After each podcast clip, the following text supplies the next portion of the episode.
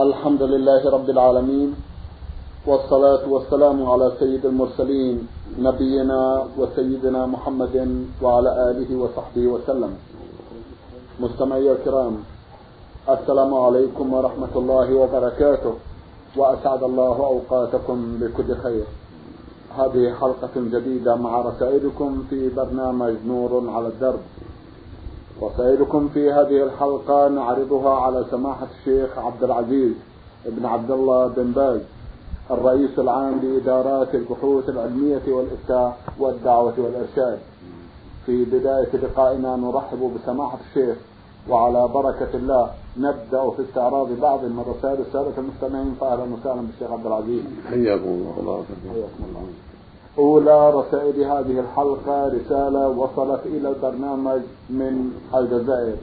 باعثها أحد الإخوة من هناك يقول سين عين فاء أخونا يسأل في أول أسئلته عن حكم امرأة كانت حامل فأكلت دواء فأكلت دواء فسبب مرضا فأسقط الجنين. هل عليها شيء أو لا؟ بسم الله الرحمن الرحيم. الحمد لله وصلى الله وسلم على رسول الله وعلى آله وأصحابه ومن اهتدى بهداه. أما بعد فإن الله عز وجل أباح لعباده التداوي بل شرعه لهم بما لا محذور فيه. قال عباد الله تداووا ولا تداووا بحرام. قال عليه الصلاة والسلام ما أنزل الله داعا إلا أنزله شفاء. علمه من علمه وجهله من جهله. وقال أيضا عليه الصلاة والسلام لكل داء دواء فإذا أصيب دواء الداء برئ بإذن الله. هل الرجل والمرأة أن يتداوى بالأمر المباح الذي يرجو فيه الفائدة؟ فإذا تداوت المرأة بشيء من الدواء وحصل بسببه إسقاط حبلها فإنه يكون من باب القتل الخطأ فإن قتل الخطأ هو يفعل الإنسان ما له فعله فيترتب عليه قتل كان يرمي الصيد فيصيب إنسانا أو يرمي الهدف فيصيب إنسانا. فهذا هو قتل خطأ. فإذا تعاطت شيئا من الدواء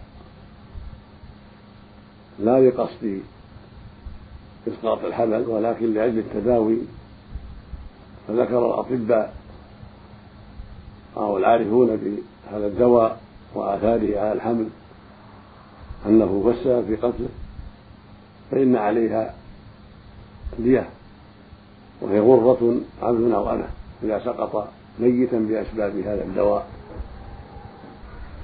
وعليها كفارة. إذا كان قد مضى عليه أربعة أشهر.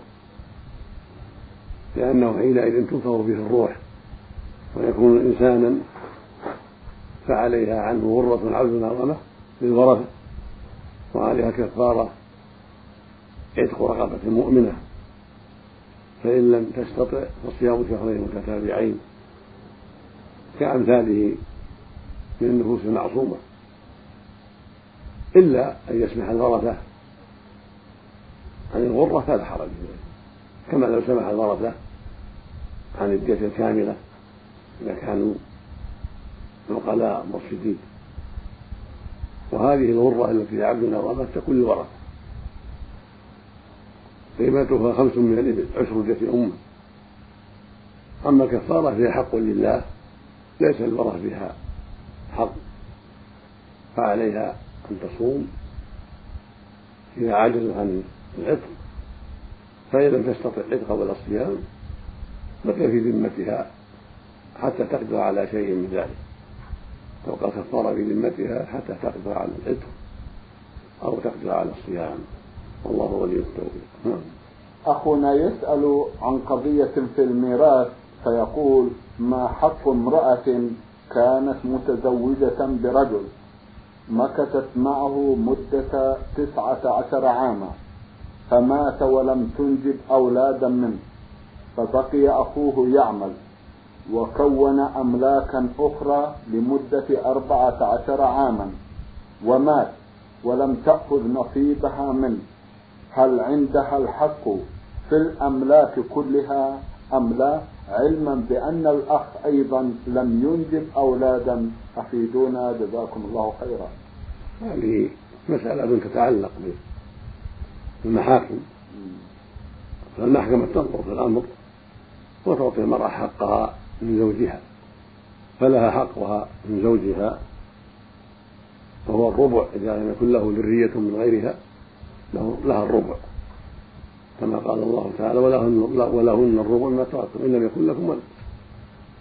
إذا كان زوجها ليس له ذرية من غيرها وهي لم تنجب منه شيئا فإن لها الربع من أملاكه. وأما التفصيل في أملاكه وأملاك أخيه والنظر في ذلك فهذا يرجع إلى المحكمة لإثبات ما يخصه دون أخيه. فلها الحق فيما خلفه زوجها. أما أموال أخي زوجها فليس لها حق في ذلك. نعم. إذا خلط المالين جميعا سماحة الشيخ. تنظر تنظر المحكمة حتى يميز. طيب. حتى يميز مال زوجها من مال أخيه. أيوة. فلها الإرث في مال زوجها دون مال أخيه. نعم. في مال زوجها وأرباحه مثلا. هذا إلى إلى إلى إلى إلى المحكمة. إلى المحكمة. بارك الله نعم. فيكم. نعم. أخ لنا من جمهورية مصر العربية يقول رمضان محمد عمار يقول لي مدة ثلاث سنوات وأنا الآن داخل في الرابعة غائب عن زوجتي وأطفالي إلا أنني قد كفيتهم المؤونة مؤونة البيت ومؤونة المدرسة. هل علي خطأ في غيابي عن زوجتي هذه المدة؟ يقول لي مدة ثلاث سنوات وأنا الآن داخل في الرابعة. غائب عن زوجتي وعن أطفالي لكني كفيتهم مؤونة البيت والمدارس. هل أنا مخطئ في غيابي عن زوجتي هذه المدة؟ أرجو التوجيه. جزاكم الله خيرا. لم يرد فيما نعلم الشرع المطهر تحديد للغيبة للزوج. وقد روي عن روي عن رضي الله عنه أنه حدد للجنود ستة أشهر من باب الاجتهاد والتحري للخير فإذا كنت أيها السائل غبت في طلب الرزق الحلال وشغلت عن المجيء إلى أهلك بأمور ألجأتك إلى طول الغيبة فنرجو أن لا يكون عليك شيء. ما دمت قد قمت بحقهم وأنفقت عليهم. ولكن ينبغي لك ألا تطيل الغربة وأن تلاحظ حاجة الزوجة وحاجة الأولاد إلى مجيئك وإلى قضاء وطنك من أهلك وإلى عفة أهلك وإلى ملاحظة أولادك وتأديبهم وتربيتهم التربية الإسلامية إلى غير ذلك من مصالحهم. فينبغي لك أن تلاحظ المدة المناسبة التي ترجع فيها إليهم ثم تعود إلى عملك. إذا لم يتيسر لك عمل في محل أهلك ولم يتيسر نقلهم معك في محل مناسب آمن فأنت على كل حال تنظر ما هو الأصلح في عفة أهلك وصلاح أولادك من جهة النقل معك ومن جهة المجيء إليهم في وقت ليس بالطويل كثلاثة أشهر شهرين أربعة خمسة على حسب ما يتيسر لك. ما دمت في طلب الرزق وطلب الحلال والحاجة إلى ذلك. فليس في هذا وقت مقدر فيما نعلم من جهة الكتاب والسنة. واجتهاد عمر رضي الله عنه في ذلك له له وجاهته. وقد تحتاج الزوجة إلى أقل من الستة الأشهر. تكون في محل خطير. تضرها غيبة ستة أشهر. قد تكون في محل آمن. ويكون عندها من العقل والدين والإيمان ما يطمئنك لو قتلت أكثر من ستة أشهر. فالحال تختلف. والنبي صلى الله عليه وسلم قال عليكم بسنتي وسنة الخلفاء الراشدين المهديين بعدي وعمر. منهم بل هو أفضلهم بعد الصديق. فعليك أن تلاحظ ما هو الأصلح وما هو الأقرب إلى سلامة أهلك وأولادك بمراعاة الستة الأشهر أو ما هو أقل منها. هو فوقها على حسب قدرتك وعلى حسب حال أهلك والطمأنينة إلى سلامة الأهل والأولاد مما يضرهم وعدم ذلك. فهو محل اجتهاد ومحل نظر منك والواجب عليك أن تعمل ما هو الأصلح وما هو الأحوط وما هو الأقرب إلى سلامة أهلك وأولادك. والله المستعان. بارك الله فيكم بالنسبة لعصرنا وما فيه من الفتن والمغريات تنصحون بتبني رأي عمر رضي الله عنه؟ بل أنصح بأقل من ذلك. بارك الله أنصح بأن يكون مدة أقل من ستة أشهر وأن يلاحظ الزوج ألا تطول غيبة وأن تكون الغيبة قصيرة جدا مهما أمكن أو يبقى عند أهله ولو بمشقة أو ينقلهم معه لأن الأخطار كثيرة والفتن كثيرة والسلامة الآن قليلة في غالب الأماكن فينبغي له أن يلاحظ ذلك وأن يحذر أن يقع أهله فيما لا ينبغي بسبب غيبته. والله المستعان. الله المستعان. جزاكم الله خيرا. أخت لنا من الرياض بعثت برسالة تقول المرسلة سين را ألف. أختنا لها, لها مجموعة من الأسئلة في سؤالها الأول تقول إنني طالبة في كلية الطب البشري. وقد مضى على التحاقي بهذه الكلية أربع سنوات وكانت مكللة بالنجاح بحمد الله وأنا حريصة على مواصلة الدراسة. ولذلك فإنني أحاول تجنب أي سبب يعوق سيري فيها وأصمم على ذلك. ثم إن أهم ما واجهني في ذلك كله هو رفضي للزواج لهذا السبب لأن ذلك سيحتاج من وقتي الكثير علما بأن الدراسة في هذه الكلية أهم عامل فيها هو الوقت الذي إن لم نستغله استغلالا كاملا فإن ذلك سيؤثر على التحصيل وعلى سير الدراسة.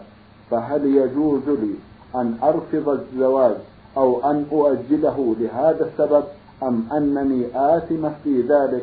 أرجو الإفادة بالتوضيح. جزاكم الله خيرا.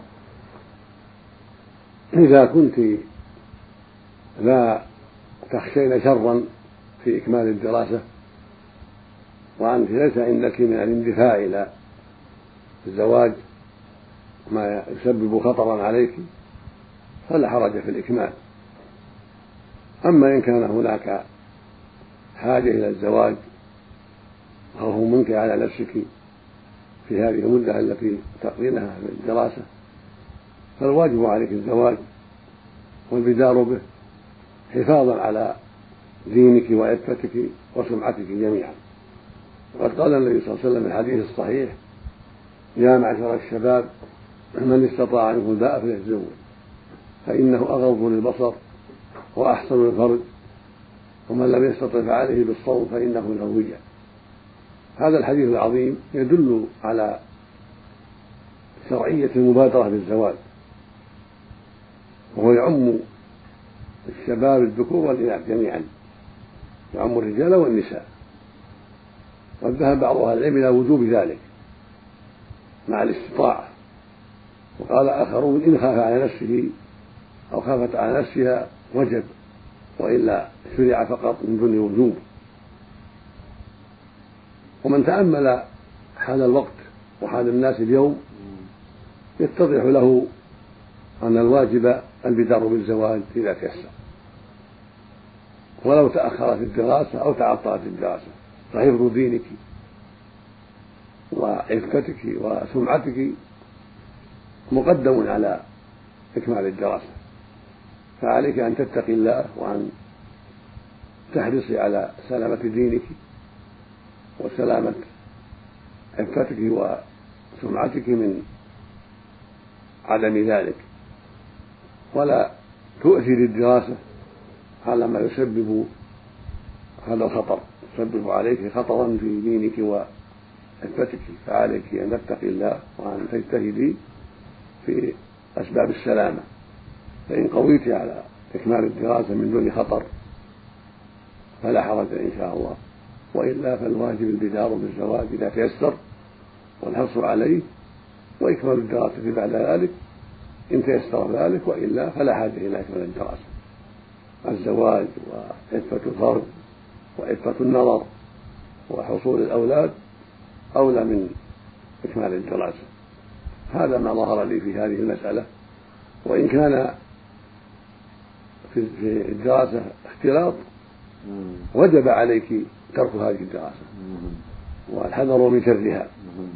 والبدار بالزواج أو بالجلوس في في البيت حتى يستحيل الله الزواج. أو دراسة غير مختلطة. أما الدراسة المختلطة مع الشباب في فصول الدراسة فشرها عظيم وعواقبها وخيمة. والواجب عليك تركها والحذر من عواقبها الوخيمة سواء كانت في الطب أو في غير الطب مطلقة ويكفي للمسلمة أن تتعلم ما يحفظ عليها دينها من كتاب الله وسنة رسوله عليه الصلاة والسلام وكفى والحمد لله. ولا تعرض دينها وعفتها وسمعتها للخطر. وليس تعلم الطب ولا غيره من الأمور الأخرى غير الدين بامر ضروري وهو فرض كفاية. إذا قام بما يكفي سقط عن الباقين وإذا كان تعلم هذا الطب أو غيره من الأمور الأخرى يفضي إلى المضرة الدينية والخطر العظيم على العفة فإنه لا يجوز حينئذ.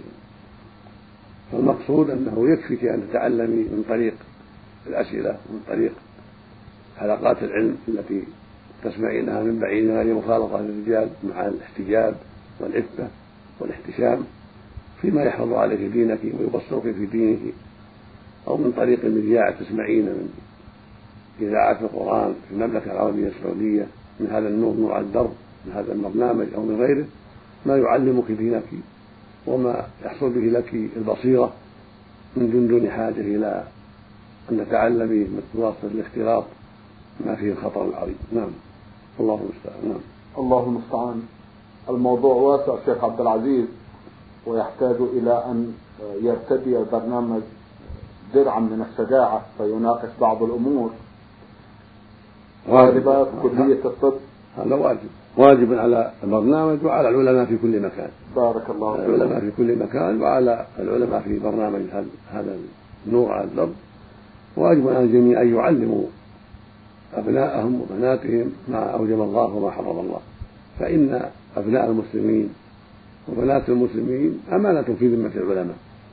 والواجب على العلماء أينما كانوا في أي بلاد الله أن ينصحوا لله ولعباده وأن يعلموا أبناء المسلمين وبنات المسلمين ما يجب عليهم وأن يحذروهم مما يحرم عليهم وأن يحذروهم من أسباب الخطر. والواجب على ولاة الأمور في كل دولة مسلمة أو منتسبة للإسلام الواجب عليها أن تتقي الله وأن تفصل الرجال عن النساء وأن تكون مدارس النساء منفصلة عن مدارس الرجال. وهكذا الكليات يجب أن تكون كلية الرجال منفصلة عن كلية النساء في كل شيء في الشريعة في الفقه في الآداب في الهندسة في الطب في أي شيء. يجب أن تكون الدراسة منفصلة غير مختلطة. وأن يتحمل المسؤولون النفقة في ذلك وسوف يعينهم الله ويخلف عليهم ويؤيدهم وينصرهم إذا تحروا رضاه سبحانه واتباع شريعته والحذر من أسباب الخطر على بلادهم وشعوبهم. هذا واجبهم جميعا. هذا واجب على جميع المسؤولين في أي دولة منتسبة للإسلام أن تتقي الله وأن تعمل على تعليم النساء وحدهن والرجال وحدهم حتى لا تقع الفتنة وحتى لا يقع ما لا تحمد عاقبته من الفتن والفساد. والله المستعان. نعم. الله المستعان. على ضوء هذا الموضوع في صدري بعض الأسئلة شيخ عبد العزيز أطرحها أو لا؟ نعم. لا بأس. المرأة في زماننا في حاجة إلى الطب ولا شك. والبنات في حاجة إلى تعلم الطب حتى يخدمن المرأة. المرأة اصطدمت باختلافها مع الدكتور ومع المعلم أيضا ومع المرضى. لابد أن سماحتكم قد أهب وجهز موازنة لهذين الأمرين. الأمر الأول حاجة المرأة إلى التطبب والأمر الثاني أن الفتاة المتعلمة للطب لا بد أن تختلف لأنه لا يوجد حتى الآن كلية للطب منفصلة ولا يوجد حتى الآن مستشفيات تخلو من الرجال. كيف يكون الجواب لو تكرمت دين المرأة ألزم عليها من علاج الناس ومن نفع الناس دينها وسمعتها وعفتها ورضا الله عنها مقدم على نفع هذه الناس. فإذا لم يكن فإذا لم يتيسر تعلم تتوصل به هي إلى نفع أخواتها وشعبها ومجتمعها إلا بما يضرها في دينها ويسبب الخطر عليها وتعريضها للفتنة فإن حفظ دينها وحفظ سمعتها وعفتها مقدم على أن تنفع الناس. هذا هو الذي أعتقده وهذا هو الذي نراه واجبا في حق البنين والبنات أن يكون كل واحد حريصا على حفظ دينه وسلامة إيمانه مما يخدشه ويضره ولا يجوز أن يتعلل بأن عدم تعلم يضر شعبه أو مجتمعه. فإن عليه يحفظ دينه أولا وعليه يسعى لحفظ دينه وسلامته ثم يسعى في نفع الناس بعد ذلك. فلا يقدم نفع الناس على هلاكه. كالسراج يضيء للناس ويحرق نفسه كالفتيلة كما ذكر جمع من أهل العلم في تمثيل العالم الذي يهلك نفسه ويعلم الناس ولكنه لا يعمل بل يخالف علمه عمله فهو كالفتيلة التي تحرق نفسها لإضاءة إلى غيرها. لا حول ولا قوة إلا بالله. نعم. يبدو لي أن وقت هذه الحلقة شارف على الانتهاء. أتوجه لكم بالشكر الجزيل. سماحة الشيخ على ما تتفضلون به من إجابات للسادة المستمعين. وآمل أن يتجدد اللقاء وأنتم على خير. نسأل الله ذلك اللهم مستمعي الكرام كان لقاؤنا في هذه الحلقة مع سماحة الشيخ عبد العزيز ابن عبد الله ابن باز الرئيس العام لإدارات البحوث العلمية والإفتاء. والدعوة والإرشاد. من الإذاعة الخارجية سجلها لكم زميلنا فهد العثمان. شكرا لكم جميعا. وسلام الله عليكم ورحمة وبركاته.